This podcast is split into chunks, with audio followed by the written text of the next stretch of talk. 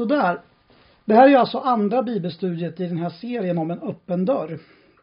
Och eh, jag tänkte jag ska läsa, jag tänkte vi ska börja med att läsa den bibeltext som vi var i jättemycket förra gången. Eh, där det handlade om Paulus missionsverksamhet och bönen som en nyckel eh, när det gällde att komma in i nya områden och förstå Guds vilja. Så jag tänker att vi börjar där ikväll, att vi läser bibelordet från första Korinthierbrevet 16, vers 5 till och med 9. Första Korinthierbrevet 16, vers 5 till och med 9. Det står Jag ska komma till er när jag har varit i Makedonien, för jag tänker fara genom Makedonien. Men hos er stannar jag kanske en tid, möjligen hela vintern, och då kan ni hjälpa mig när jag far vidare, vart det nu blir. Den här gången tänker jag nämligen inte besöka er bara i förbifarten utan hoppas kunna stanna hos er en tid om Herren tillåter det. Jag blir kvar i Efesos fram till pingst. Här står dörren på vid gavel för mig. Det är gott om uppgifter och motståndet, motståndarna är många. Och i Bibeln så är ju Guds ledning någonting självklart. Gud leder sitt folk, Gud uppenbarar sin vilja.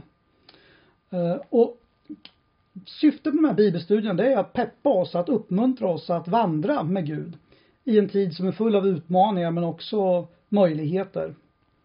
Och förra bibelstudiet var ju alltså fokus väldigt mycket på Paulus missionsverksamhet. Och vi såg ju att den här öppna dörren, eh, det var en möjlighet att dela Guds ord. Så det är så Paulus beskriver det, när det är en öppen dörr, då finns möjligheten att predika evangeliet. Men det som också blev synligt var att det var en viktig komponent, bön. Paulus beskriver det ju så att bönen är en viktig del av att dörrar ska öppnas. Han ber till exempel folk att be för honom så att dörrar öppnas så att han kan predika ordet. Men det är ju viktigt nu att se att det är inte så att bara för att vi ber så öppnas de dörrar som vi vill. Nej, det är naturligtvis så att det är Guds vilja som ska ske på himlen, i himlen som på jorden.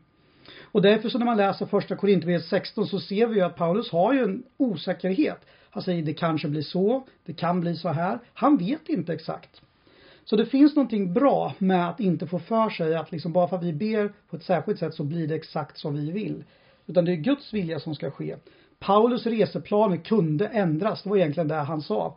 Men samtidigt var han glasklar på att när en dörr har öppnats, ja men då är det på ett svar på att Gud har svarat på böner. Och det är det som vi pratade om förra gången. Ikväll så ska fokus vara på lite olika sidor av bönelivet. Eh, och för er som kommer att lyssna på det här i efterhand så är det också så att mötesplatsen som församling, vi tänker att i vår, att vi ska ha ett mycket större fokus på bön. Att vi ska öppna upp för bönekvällar, vi vill på olika sätt engagera oss i bön så att vi också kan ta steg när det gäller det som församling. Så den här undervisningen är en del av det, att också betona bönelivet och hur viktigt det är med bön. Så vi ska se på några sidor av bönens verklighet utifrån Jesu liv och tjänst. Det är Jesu liv och tjänst som står i centrum nu. Och det här kan naturligtvis bli hur stort som helst. Alltså det finns ju hur mycket som helst att säga om hur Jesus bad och vad bön är i Jesu liv. Men jag tänker att vi ska börja med några avsnitt för att komma in i det här och sen kommer jag lyfta fram olika aspekter av bön. Eh, och egentligen kan jag säga att det handlar om att lära känna Guds vilja. Alltså hur är bönen nyckeln för att vi ska lära känna Guds vilja? Så om ni går med mig till Johannes evangeliet kapitel 5 så ska vi läsa ett sånt här bibelord. Eh, Johannes kapitel 5, vers 17 till och med 19. Och då kommer vi in i berättelsen när Jesus har bara blivit ifrågasatt. Eh, och han gör under som väcker människors vrede. En del blir, vi blir sugna på till, vi andra liksom fylls av tacksamhet för de är friska. Men det finns också de som blir arga. Det Jesus gör väcker vrede. Så vers 17 till och med 19 i Johannes 5 så står det så här. Men han sa till dem, min fader verkar ännu i denna stund och därför verkar också jag. Då blev judarna ännu ivrigare att döda honom eftersom han inte bara upphävde sabbatsbudet utan också påstod att Gud var hans far och därmed jämställde sig med Gud. Jesus vände sig till dem och sa, sannerligen jag säger er, sonen kan inte göra något av sig själv utan bara det han ser fadern göra. Vad fadern gör, det gör också sonen. Och det här är alltså Jesus sätt att beskriva sin egen tjänst. Han gör bara det han ser fadern göra. Sonen gör bara faderns vilja. Det finns en sån nära intim relation så att faderns vilja är sonens vilja. Och det där låter ibland som en dröm för vissa föräldrar kan jag tänka. Eh, men det låter också som det här klassiska också beskrivningen av när man faktiskt får kämpa också för det är inte självklart det här med att förstå Guds vilja eller göra Guds vilja att det är enkelt. Och det ska vi titta på nu bara så ni får det här bakom eh, scenerna perspektivet. Johannes 5, om man läser det bara rakt av, då kan man ju få för sig att det här med att vara Jesus och göra faderns vilja ändå var rätt så enkelt. Även om andra så att säga blev sura. Men gå med mig till Hebreerbrevet 5 så ska vi läsa en vers där. Eh, Hebreerbrevet 5 så har vi en vers som säger någonting viktigt till oss. Det står i Hebreerbrevet 5, vers 7.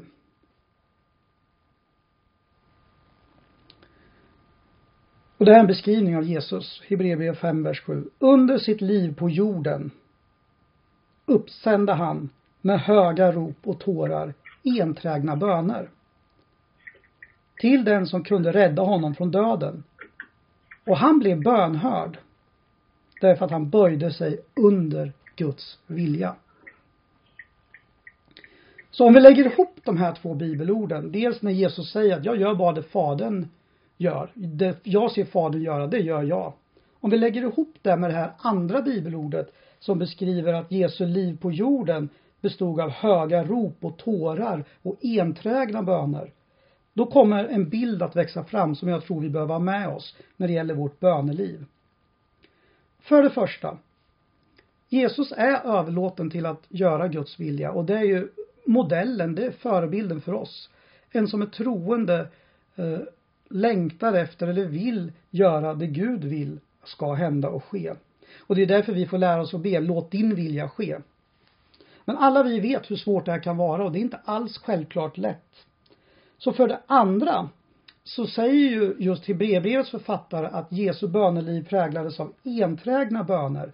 Det vill säga om och om igen, hela tiden, uthålligt. Det liv Jesus levde, levde han därför att han blev bönhörd, därför att han böjde sig under Guds vilja. Och det är precis där det står. Han blev bönhörd därför att han böjde sig under Guds vilja. Så det kan alltså vara så att vi behöver göra Guds vilja för att få bönesvar. Och ibland behöver vi be för att förstå vad Guds vilja är. De där två hänger djupt ihop. Och det är en hemlighet i det att upptäcka vad det faktiskt betyder för mitt böneliv.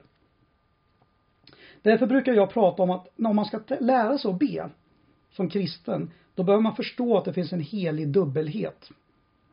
En helig dubbelhet, alltså två grejer samtidigt. Ni vet ju hur det är för oss. Vi spelar oftast ut det ena mot det andra. Antingen väljer man det där eller också det där. Men i Bibeln och inte minst när det gäller Jesu böneliv, då verkar det finnas en sån här tydlig dubbelhet. Vi ber om att få veta vad som är Guds vilja. Men för att kunna bli bönhörda behöver vi, precis som Jesus, vara beredda att böja oss under Guds vilja. Den som vill se vad Gud gör eller vill veta vad Gud vill behöver också vara redo att göra det Gud gör och vilja det Gud vill. Så lyhördhet, alltså att bli bättre på att förstå Guds vilja, hänger ihop med lydnad. Vi växer när vi gör det, det Fadern vill att vi ska göra. Eh, någonting händer med oss när vi enträget ber, även om vi inte förstår, även om vi inte direkt får bönesvar, även om vi inte vet allt, så bara fortsätter vi be ändå. Det gör någonting med oss. Eh, och det är den här heliga dubbelheten. Å ena sidan sett så behöver vi få tag på Guds vilja för att kunna göra Guds vilja. Men ibland behöver vi bara kunna göra vissa saker för att få se vad det faktiskt är som är Guds vilja. Och att då ha ett inställning av att jag fortsätter be mig igenom det här. Jag står i bön, jag lever i bön eller som det står enträget som Jesus med höga rop, till och med ibland under tårar. Det finns någonting i det som jag tänker är viktigt när vi ska prata om bön. Det är nämligen så om man ska komprimera, alltså verkligen förtäta, liksom försöka få ner det här väldigt så här kompakt. Vi växer i lyhördhet, det vill säga förmåga att höra Guds röst och göra Guds vilja. Vi växer i lyhördhet och vi växer i lydnad när båda växer i våra liv. Så vi behöver både lyhördhet och förmågan att lyda. Eh, och vi behöver växa i dem. Det är ju väldigt enkelt egentligen. Man behöver lita på att det fadern säger stämmer, att det är sant.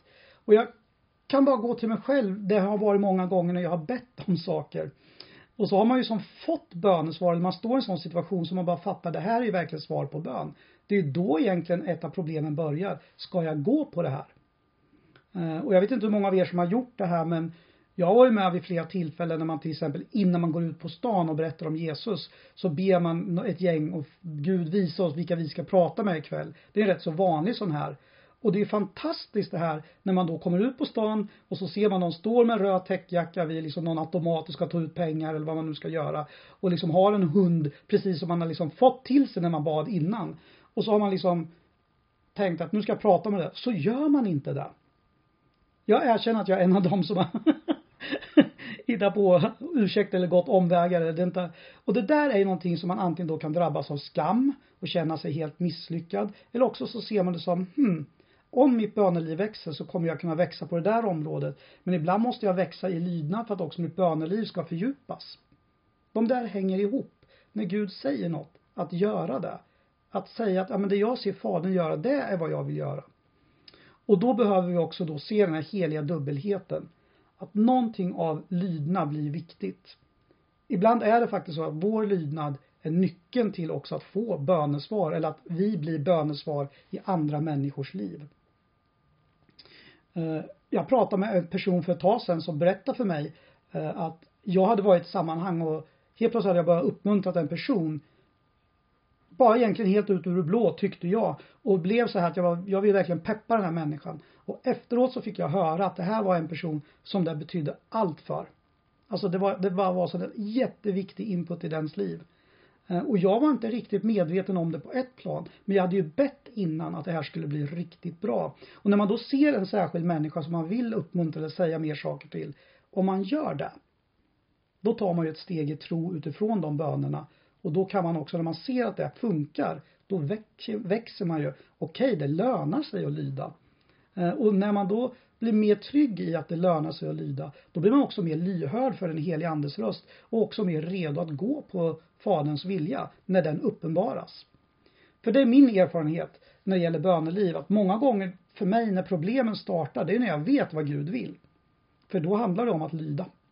Så ni ser, det finns en helig dubbelhet. Och jag önskar ju att det inte ska bli fyllt med skam.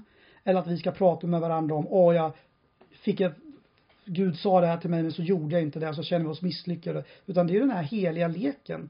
Det här finns ju en liksom helig dubbelhet som vi kan upptäcka tillsammans. Så ju mer jag lyder, ju mer kommer jag få se svar på bön och ju mer jag ber och får Guds vilja, ju mer kan jag lära mig att lyda. Alltså det är någonting väldigt fint och positivt i det.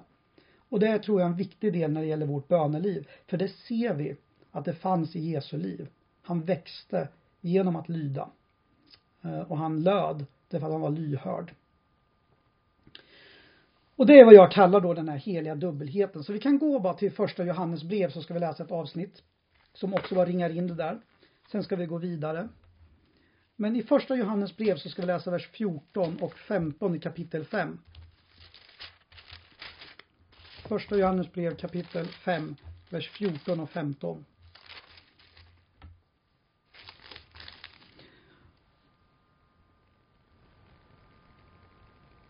Där det står så här, och vår frimodiga tro på Gud är denna. Om vi ber honom om något efter hans vilja så hör han oss. Om vi vet att han hör oss så vad vi, och, vi vet att han hör oss vad vi än ber om. Och det här tycker jag är så fantastiskt bibelord. Vår frimodiga tro, alltså vår tro på Gud, är frimodig Därför vi vet att om vi ber efter hans vilja så hör han oss. Det är därför Bibeln faktiskt varnar för att be illa. Man kan be om saker eh, som inte alls är bra, därför att det är emot Guds vilja. Eh, och det, målet är att bli som Jesus, att man är så ett med Faderns vilja så att det också präglar vårt böneliv så att vi ber helt i linje med Guds vilja. Eh, och det är någonting otroligt starkt när man ser hur man kan växa i det. Att man har en frimodig tro. Man behöver inte gå omkring och skämmas och tänka, har jag bett fel nu? Oj, vad tokigt det blir. Utan nej, vers 15. Och vi vet att han hör oss vad vi än ber om. Alltså det är fantastiskt. Det här är vem Gud är. Gud hör våra böner. Och när vi ber så kommer det också påverka vårt viljeliv så att vi vill ännu mer det Gud vill. Och i det finns ju den här friheten att också släppa sin egen vilja ibland. Och det är där vi såg i förra bibelstudiet att Paulus hade ju den här Ja, jag kanske åker dit, men jag kan också åka dit och jag har gjort upp en plan, men vi får se om det blir så. Det är faktiskt väldigt så här öppet på det här sättet. Och jag tänker att de här människorna jag har mött som är präglade av bön, som liksom verkligen de här förbedjarna, de har ofta det där, ja men det blir som Gud vill. Och varför det? Jo, antagligen för att man har lärt sig det här genom att år efter år leva i bön så att det här sätter sig liksom på djupet i ens hjärta. Man tror på riktigt att det blir bäst om Guds vilja sker. Och då präglar det bönelivet och då ökar det också helt enkelt möjligheten att be de böner som är precis rätt vid rätt tid, vid rätt tillfälle, för rätt person.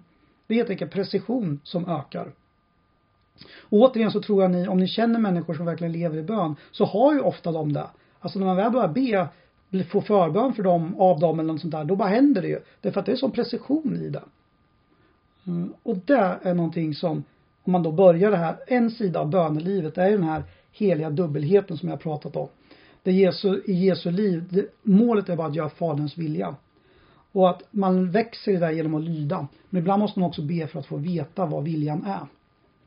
Så det är en, någonting som jag tror att vi kan få upptäcka mycket mer och en av nycklarna då är ju just att lära sig att liksom testa, prova, att våga lyda, att gå på det man får eh, när man ber.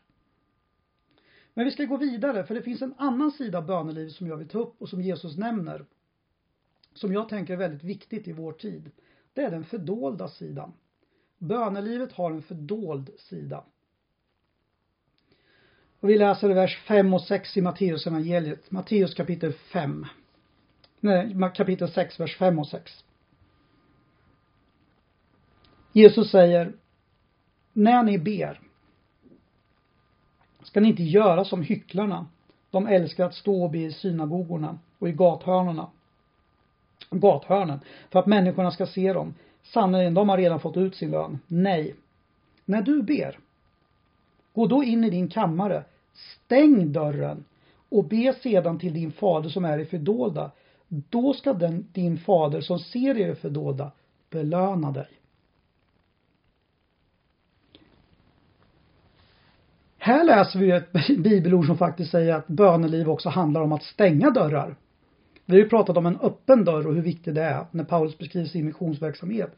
Här säger Jesus att en annan sida av bönelivet är att du faktiskt har förmågan att stänga dörren om dig. Den öppna dörren, det har ju med Guds och människors favör att göra. Alltså man får favör, alltså helt plötsligt öppnas någonting upp så kan man göra det. Och det är ett resultat av bön. Den öppna dörren har med favör att göra.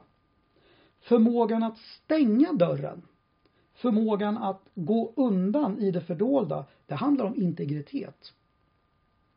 En egen god gränssättning om det inre livet. Och det är också viktigt när det gäller bön. Tid och rum avgränsas för ett medvetet syfte. Jag ska vara med Fadern själv. Jesus säger, när du ber, gå då in i din kammare och stäng dörren.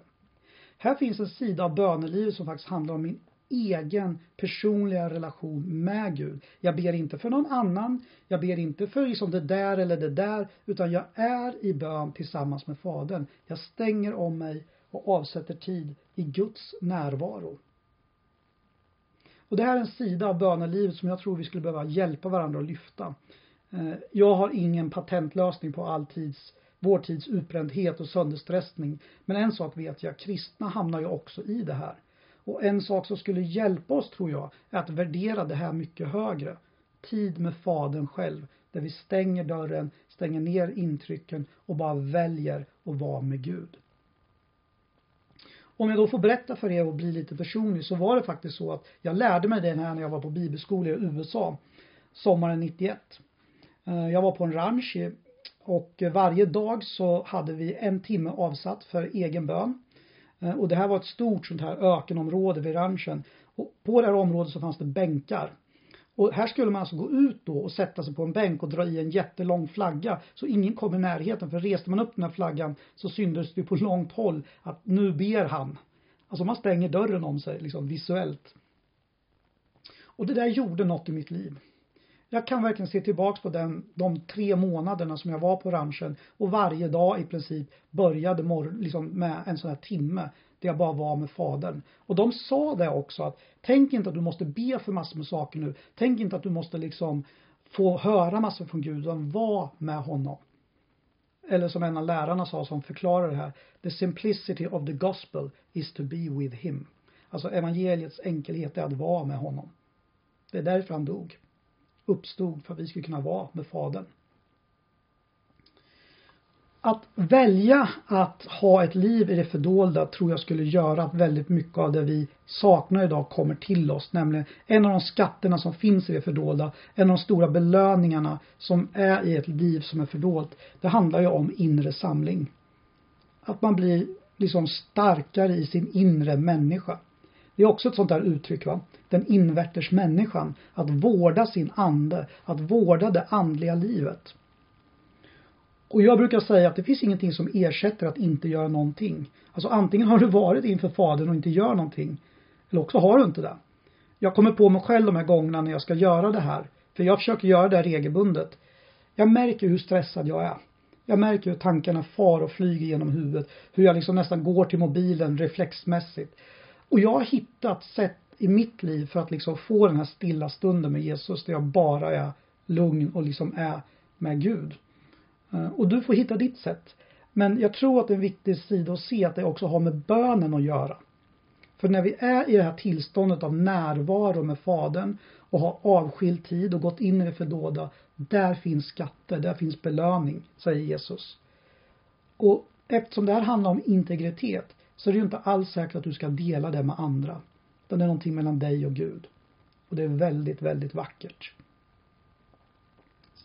Och faktum är att vi har ju en serie nu när vi predikar i mötesplatsen om kreativitet. Och det där är ju en sida av kreativitet som är nödvändig. Vilan, avskildheten, stillheten. Ibland bara släppa taget om allt man vill tro vad man ska skapa för att det där ska komma till en som faktiskt ska komma till. Eh, så det finns många hemligheter i det. Och jag vill skicka med ett annat bibelord som jag tänker är väldigt knutet till det här. Eh, när det gäller vårt liv eller vårt fördolda liv. Så om vi går till första Johannes brev igen, vi var ju där förut, men vi kan gå dit igen och läsa vers 13. Första Johannes brev kapitel 4, vers 13. I första Johannes brev kapitel 4, vers 13 så står det så här. Han har gett oss sin ande och därför vet vi att vi förblir i honom och han i oss. Så Guds andes närvaro i vårt liv, det är liksom gjutet. Alltså det, det finns där. Du kan när du vill stänga dörren om dig och du har ett eget rum med Fadern. Du kan när du vill bara gå undan och tacka Gud för att du får vara hans barn. Du kan när du vill bara försöka stilla ner dig och lyssna till vad som händer, både med dig själv och kanske det Gud gör. Varför det? Därför han har gett oss sin ande och därför vet vi att vi förblir i honom och han i oss. Så det finns ingen som är närmare dig än Gud. Och du kan vara riktigt nära Gud. Och de här gångerna då vi väljer att stänga dörren om oss och gå in i det fördolda så byggs en viktig sida av vårt böneliv, nämligen integritet. Vi klarar av att göra det här, att avsätta tid. Och det är precis som en lydnad och göra Guds vilja. Det är något man kan växa i. Alla som känner mig vet att jag är en väldigt extrovert och väldigt högoktanig personlighetstyp. Så det där handlar inte om personlighetstyp utan det handlar om att hitta sitt sätt att göra det. En del är mer naturligt kontemplativ eller lite mer så inåtvända eller kan dra sig undan. Oavsett vem du är och hur ditt personlighetsregister ser ut så är det en uppmaning från Jesus till oss alla. När du ber, gå in i din kammare och stäng dörren. Och det är en sida av bönelivet som jag tror är väldigt viktig. Vi kommer ju i mötesplatsen att betona den gemensamma bönen och det tror jag är helt rätt. Men vi får aldrig heller tappa den personliga, ensamma i kammaren och de aspekterna, för det gör något med oss. Så återigen om jag ska återvända till USA, och min bibelskoletid. Så det jag lärde mig där, det var ju att bön faktiskt är ett sätt att vara med Gud. Eller rättare sagt som jag kom på efter ett tag. Jag sa väldigt länge bön är ett sätt att vara med Gud. Men sen kom jag på nej, bön är ett sätt att vara i Gud. Om man ska vara riktigt petig med ord. När jag var, är i den här bönen, då är jag i Gud. Och Gud är i mig. Och det gör någonting. Eh, och om vi ska hjälpa varandra att växa i böneliv som församling så behöver vi både ha en stark betoning på det gemensamma, bönesamlingar, bön i gudstjänster, bön för olika saker i husförsamlingarna. Det är den gemensamma. Men den behöver också den här sidan där vi odlar det personliga, det intima, där vi stänger dörren. För där finns skatter i det fördolda som Fadern ger oss. Eh, och återigen då den här bibelskoletiden i USA jag minns så väl hur det gjorde något med mig som sen har följt med mig hela livet som kristen. Obetalbart. Vi ska gå vidare. Vi pratar om olika aspekter av bönelivet. Och en sån här då bibelvers som jag återkommer till ofta. Det är Matteus kapitel 7, vers 7 och 8. Därför där, när Jesus undervisar där, då nämner han flera sidor av bön. Eller rättare sagt, han lämnar olika sätt att be. Och det tror jag är bra för oss. Vi behöver ha en bred bild av vad bön är. Och här i det här avsnittet som vi nu ska läsa, då får vi möta tre olika typer av bön. Så följ med mig till Matteus evangeliet 7. Så läser vi vers 7 och 8. Jesus säger Be, så ska ni få. Sök, så ska ni finna. Bulta, så ska dörren öppnas. Till den som ber, han får, och den som söker, han finner, och för den som bultar ska dörren öppnas. I Matteus 7 så nämner Jesus tre olika sätt att be. Alltså, som ni vet, bönelivet har verkligen många olika sidor och många aspekter. Och det här kan vi använda allihop. Alla vi som är på en resa i bönens verklighet eller i bönens värld. Alla vi kan lära oss det här. Vi kan uppskatta det, vi kan liksom erövra det, vi kan växa i det. Så jag tänker jag ska ägna en stund nu och gå igenom de här sidorna av bön. Eller de här olika bönesätten som Jesus faktiskt nämner. Eh, det första är då det här be så ska ni få. Be så ska ni få.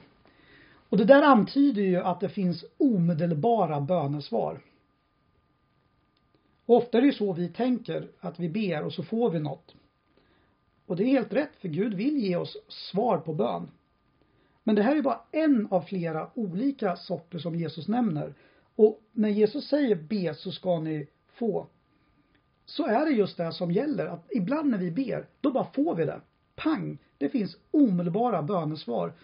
Och jag har ju själv sett det många gånger i mitt liv och verkligen blivit förvånad. Jag kommer på mig själv att jag blir förvånad. Oj, liksom blev det på en gång. Och, och regeln här är ju att ju mer konkret du ber, ju enklare är det att se om det blir så. Uh, ju mer allmänt du ber och fluffigt, och det behöver inte vara fel, men ju större är ju risken att du inte ser när det väl sker. Utan här handlar det faktiskt om att be konkret. Jag vill att det här ska hända, eller Gud låt det här bli så nu liksom. Eh, och då man ber så, så kan man också få det. Det är verkligen bara Gud griper in och gör något som svar på bön. Omedelbart. Och jag har ju som sagt var själv varit med många gånger om det. Och jag kommer på mig själv att nästan varje gång så blir jag lite förvånad. Det är som att jag inte riktigt tror att Gud är i den här branschen och är så god. Bara, oj, oj, hjälp, liksom blev det så här. Eh, men det är fantastiskt för så är Gud. Gud kan gripa in på ett ögonblick och bara göra vad Gud vill. Och är vi i linje med Guds vilja och beredda att lyda så kan vi ännu mer bli precisa och be för sånt som bara förlöses och händer. Det är vad jag tror. Och det kan vi alla växa i. Eh, därför vi har den möjligheten. Be så ska ni få. Och det handlar om att man upptäcker att det verkligen finns en kraft i bön. Det verkligen finns en kraft i bön. Det förändrar människors situationer, läget i församlingen, det andliga klimatet i staden, sjukdomsförlopp, eh, relationsproblem. Allt kan liksom bombarderas med bön och det bara vänder. Be så ska ni få. Men lägg märke till en sak nu. Det finns en fara för omognad här. Om Gud bara får finnas när vi får omedelbara eller direkta bönesvar, då blir ju vår tro väldigt ytlig. Om Gud bara så att säga finns när jag får det jag ber om och det händer på en gång, då är Gud nästan som en jultomte. Eh, och det är ju inte bra. Alltså Gud är ju inte jultomten som liksom prickar av vår lista på önskningar. Och det finns alltid en risk att Gud reduceras till det om man betonar för starkt bara den här sidan av bön. Alltså bön är bara att du får bönesvar omedelbart. Och det tror jag är viktigt att skicka med för det är en risk. Det kan bli så. Och jag skulle säga att det faktiskt är omoget. För till trons djupare insikter hör ju att Jesus bad och kämpade under hela sitt liv. Upphöjde han rop och med tårar bad han enträget till den som kunde rädda honom. Alltså där har vi ju modellen va. Eh, att det faktiskt också är så. Så om vi har ett böneliv som bygger på att om du bara har några vissa principer och gör på ett visst sätt, då får du vad du vill när du vill. Då är Gud blivit din jultomte. Och det är inte den som Jesus pratar om. Fadern är suverän och upphöjd över alla och allt. Och hans vilja ska ske. Men Jesus säger också att när vi ber, då ska vi få. Och det finns något omedelbart och helt fantastiskt när det händer. Jesus säger också för andra då, sök så ska ni finna. Sök så ska ni finna. Och det här är den andra typen av bön. Den sökande bönen. Och ni märker, det är verkligen kontrast till den första. Om den första är att jag ber och det bara händer, så är det här Jesus säger att det också finns ett sökande i bönelivet. Vi ber och då finner vi både spår av Gud och oss själva i bön. Nu är det inte så här längre omedelbart och bara oj, nu blir jag överraskad av Guds kraft. Nej, nu kan det handla om att den här typen av bön, när vi inte riktigt vet vad Gud vill eller vi inte får bönesvar på en gång, det handlar om att Gud faktiskt lockar oss in i en djupare relation med sig själv. Det finns till och med en del som skulle betona det så starkt och säga ungefär så här att Gud väljer ibland att dölja sig för oss för att väcka vår längtan efter sig själv. Och det kan du fundera på om du håller med om. Men ibland tänker jag att det ligger något i det. För det är motgiftet på det här ytliga, att vi bara vill ha allt på en gång och omedelbart. Det kan vara så att Gud också längtar efter att vi ska söka honom. Och därför så kommer också bönelivet att innehålla sökande. Alltså jag är inte färdig, jag har inte svaren. Jag ber därför att jag på riktigt inte vet. Jag ber därför att jag inte är framme. Jag håller på att försöka hitta en väg och en del av den vägen är bön. Om jag tittar tillbaks på mitt eget liv så tycker jag att det har varit så genom ett antal perioder. Eh, jag fyllde ju 50 i somras och varit kristen sedan jag var 16 år. Så man har ju hunnit med lite i alla fall. Och jag kan ju se att under vissa perioder så har ju Gud nästan varit tyst. Eller jag har upplevt det varit frånvarande. Och i backspegeln så har jag sett att där är det som att en dörr eh, öppnas och är liksom Mikael vill du komma närmare mig? I backspegeln kan jag se det. Där och då kanske det inte är lika enkelt. Men jag vill skicka med er det att jag tror att det där är någonting som Gud vill göra i vårt böneliv. Hjälp oss att se att vi faktiskt kan söka i bön.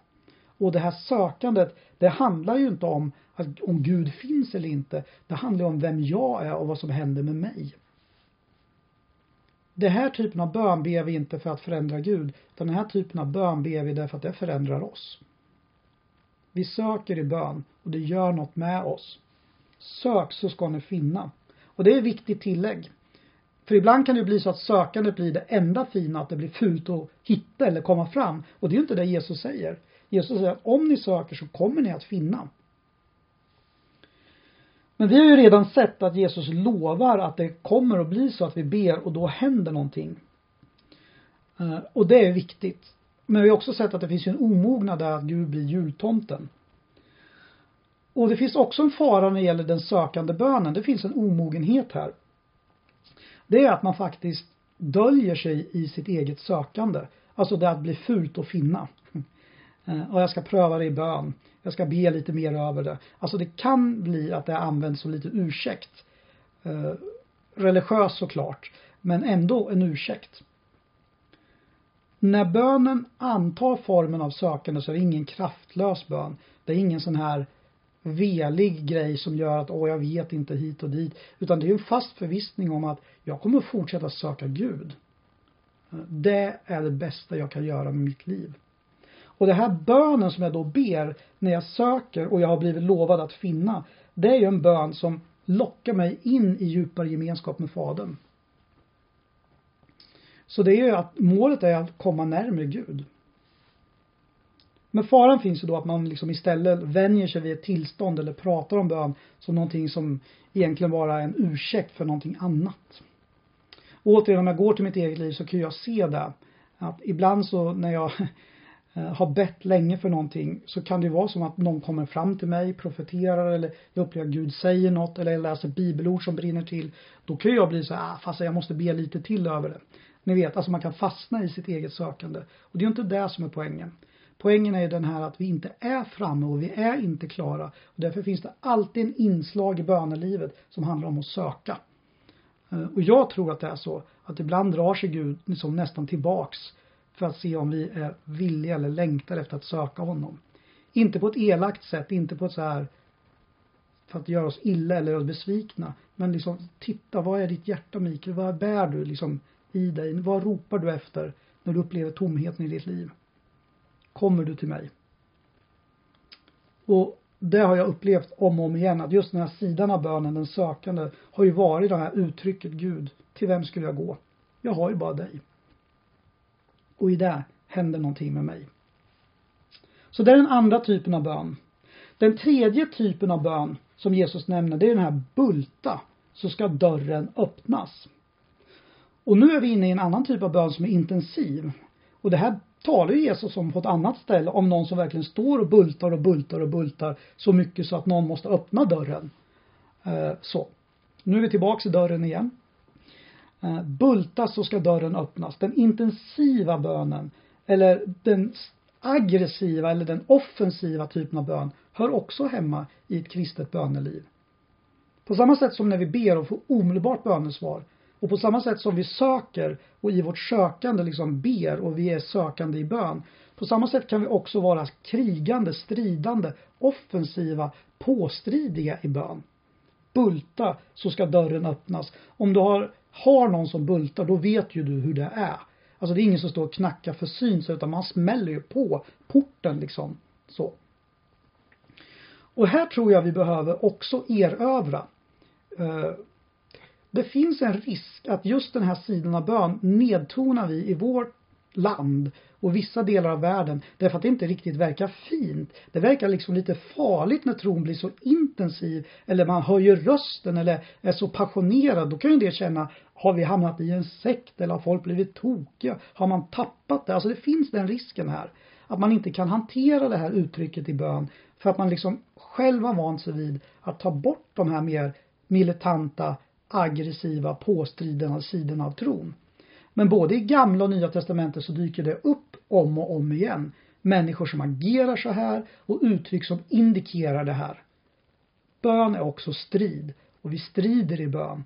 Och då ligger man liksom inte i en buske och skjuter med en ärtbössa och hoppas på det bästa. Utan då dundrar man på. Eller som det står, man bultar. Och det tror jag också är en sida av bönelivet som vi behöver erövra som församling och jag tror många församlingar skulle behöva det. Att vi tar fighten i bön och inte ger oss förrän, som man sa förr i tiden, man har bett tills det bryter igenom. Eh, att be tills det bryter igenom. Jag älskar det uttrycket. Det är ett militärt uttryck att du stormar en fästning tills du har kommit igenom. Du ger dig på en försvarslinje tills du bryter igenom. Eh, och om man tänker bön som en strid mot Satans rike och de onda makterna, då borde man också kunna tänka att det blir en strid tills det bryter igenom, för det är vårt mål. Att vi vill se Guds rike bryta igenom. Och då är en sida av det bönelivet att man faktiskt strider i bön. Och återigen, jag har varit med om det omogna här. Jag vet inte hur det är med dig, men jag kan börja med att säga att jag själv mött kristna och själv varit del i sammanhang Eh, där vi bad och varje, varje bönetillfälle det var att man skulle ge djävulen på käften ungefär. Det blir helt skruvat fokus. Det blir så konstigt väldigt fort att mitt bön skulle handla om det. Eller som några som alltid när vi skulle be började med att man skulle hoppa på ormens huvud i 15 minuter, alltså bokstavligen. Och jag bara tänker men hur länge ormen är ju, alltså den är ju besegrad, alltså varför ska man börja med 15, alltså det, man får bara massa, det blir bara om bakfoten helt enkelt. Om tillåtet uttrycks där. Min poäng är enkel. Vi får inte bortse från att bön har en aggressiv militant sida. Men vi får heller inte fastna i att varje bönetillfälle blir liksom någon högljudd orgie där vi bara är allmänt liksom aggressiva för sakens skull. Eh, det blir ju väldigt konstigt. Det jag tror är att Gud vill leda oss in som församling och Guds folk in i andliga kampsituationer och där vi ska använda det här vapnet. Eh, och det behöver vi erövra som församling också de närmsta tiden. Bön är också någonting vi strider i och genom. Så vi ska läsa i Efesierbrevet 6. Efesierbrevet 6, vers 10 till och med 13, som är ju ett av de här många bibelorden som antyder just det här, att tron innehåller kamp, att det finns en strid. Så vi läser i Efesierbrevet 6, vers 10 till och med 13.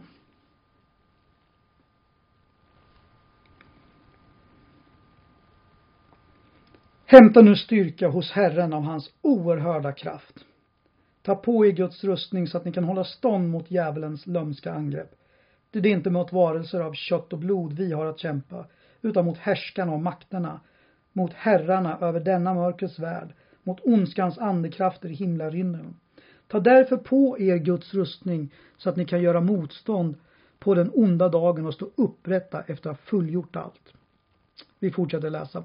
Stå alltså fast och spänn på er sanningen som bälte och iklär er rättfärdighetens pansar och sätt på skor som på era fötter villigheten att gå ut med budskapet om fred. Håll ständigt trons sköld framför er. Med den ska ni få den ondes alla brinnande pilar att slockna. Och grip frälsningens hjälm och andens svärd som är Guds ord. Gör detta under åkallan och bön och be i er ande varje stund. Därför skall ni hålla er vakna och aldrig tröttna i era böner för alla de heliga. Be också för mig att ordet läggs i min mun när jag talar och att jag talar frimodigt när jag bär fram hemligheten i evangeliet, vars sändebud jag är i min fångenskap. Be att jag förkunnar det så frimodigt som jag bör. Och jag ser nu, nu är vi tillbaka i Paulus missionsverksamhet och han kopplar sin tjänst till också de andra troendes förbön. Och där tänker jag, här finns ju någon hemlighet för oss. Att ska vi ha alfa, då ska vi be så att människor kommer till tro i alfa.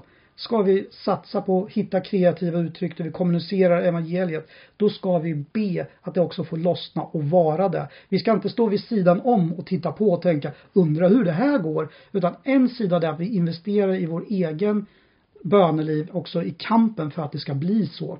För det finns ingen självklarhet i den här världen att det bara Guds vilja sker. Därför att det är en andlig kamp. Och i den kampen, säger Paulus, är en av de absolut avgörande, det är att vi under åkallan och bön, att vi ber i vår ande varje stund. Alltså det är så vi deltar i striden. Och då tror jag själv personligen att också mer aggressiva uttryck, mer så här militanta former, det är inget konstigt. Jag tänker inte alls att det är ett problem. Jag tänker att det är ett uttryck för genuina insikten. Vi är i en strid och vi tänker inte gå iväg tyst. Vi tänker inte lägga oss ner och bli besegrade hur som helst. Utan vi ber tills det bryter igenom. Så det är ytterligare en sida av bönelivet.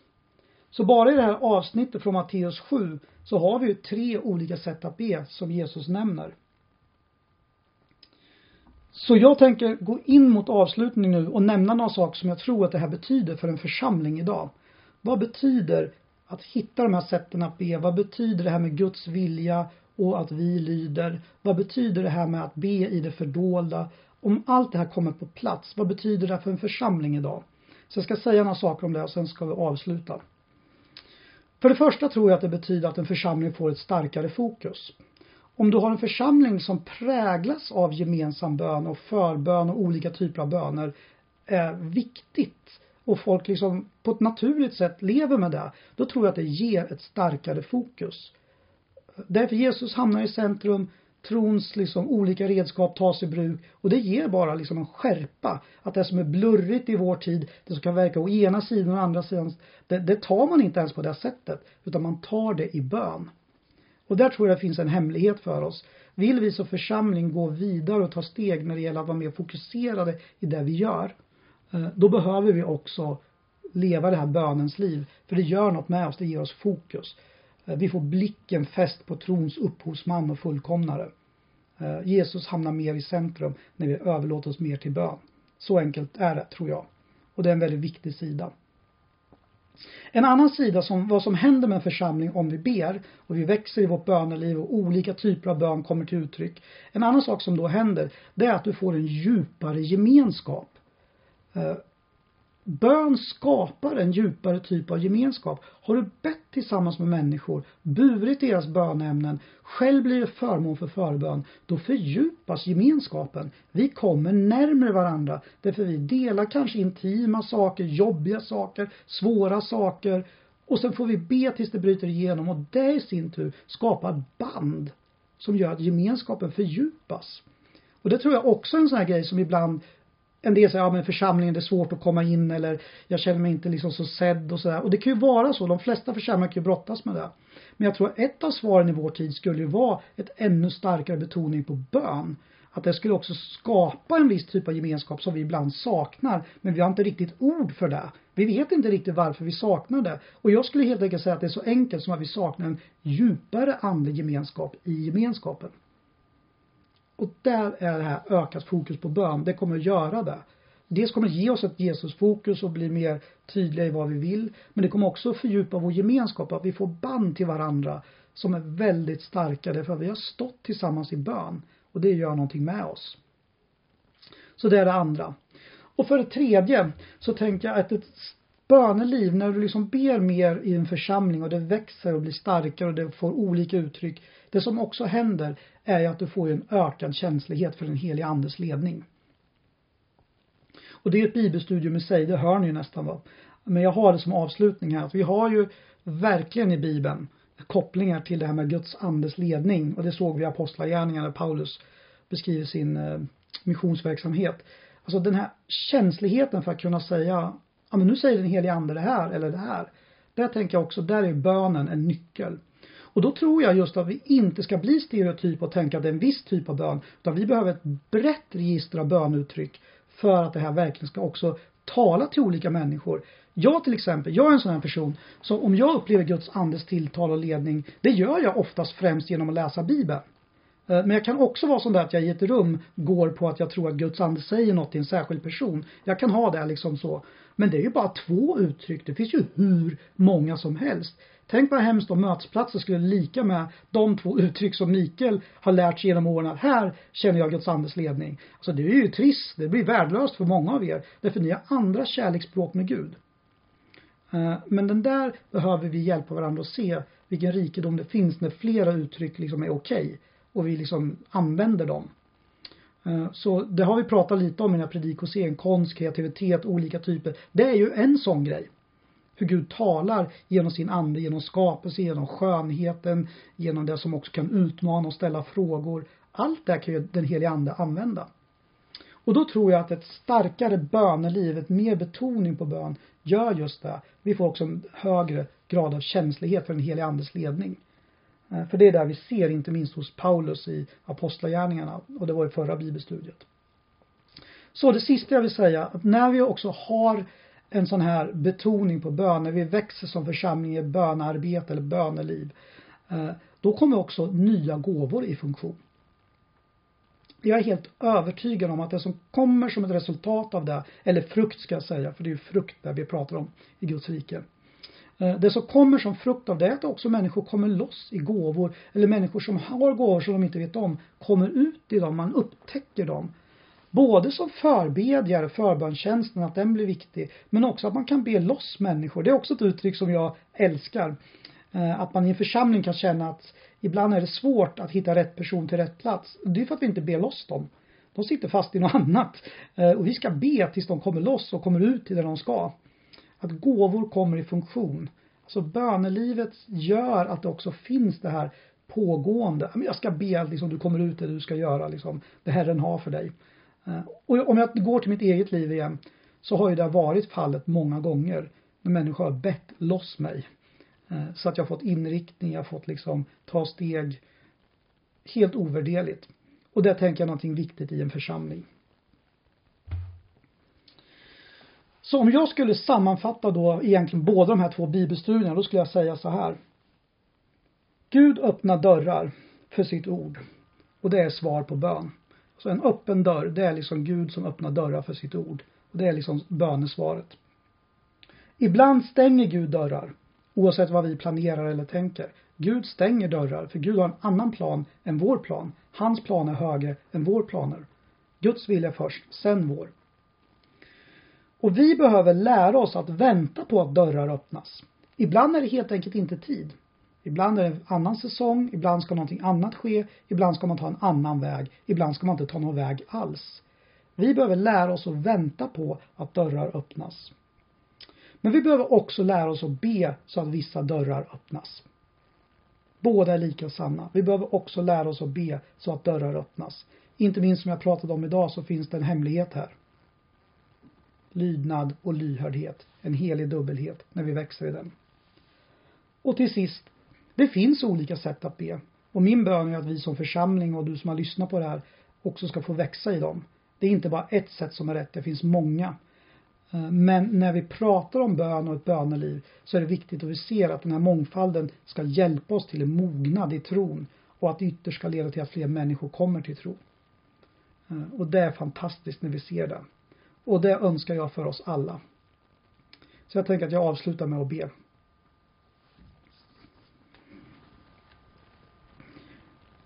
Gud, jag tackar dig för all din godhet, för all din kärlek, för allt gott som du har gjort för oss, allt du vill med våra liv.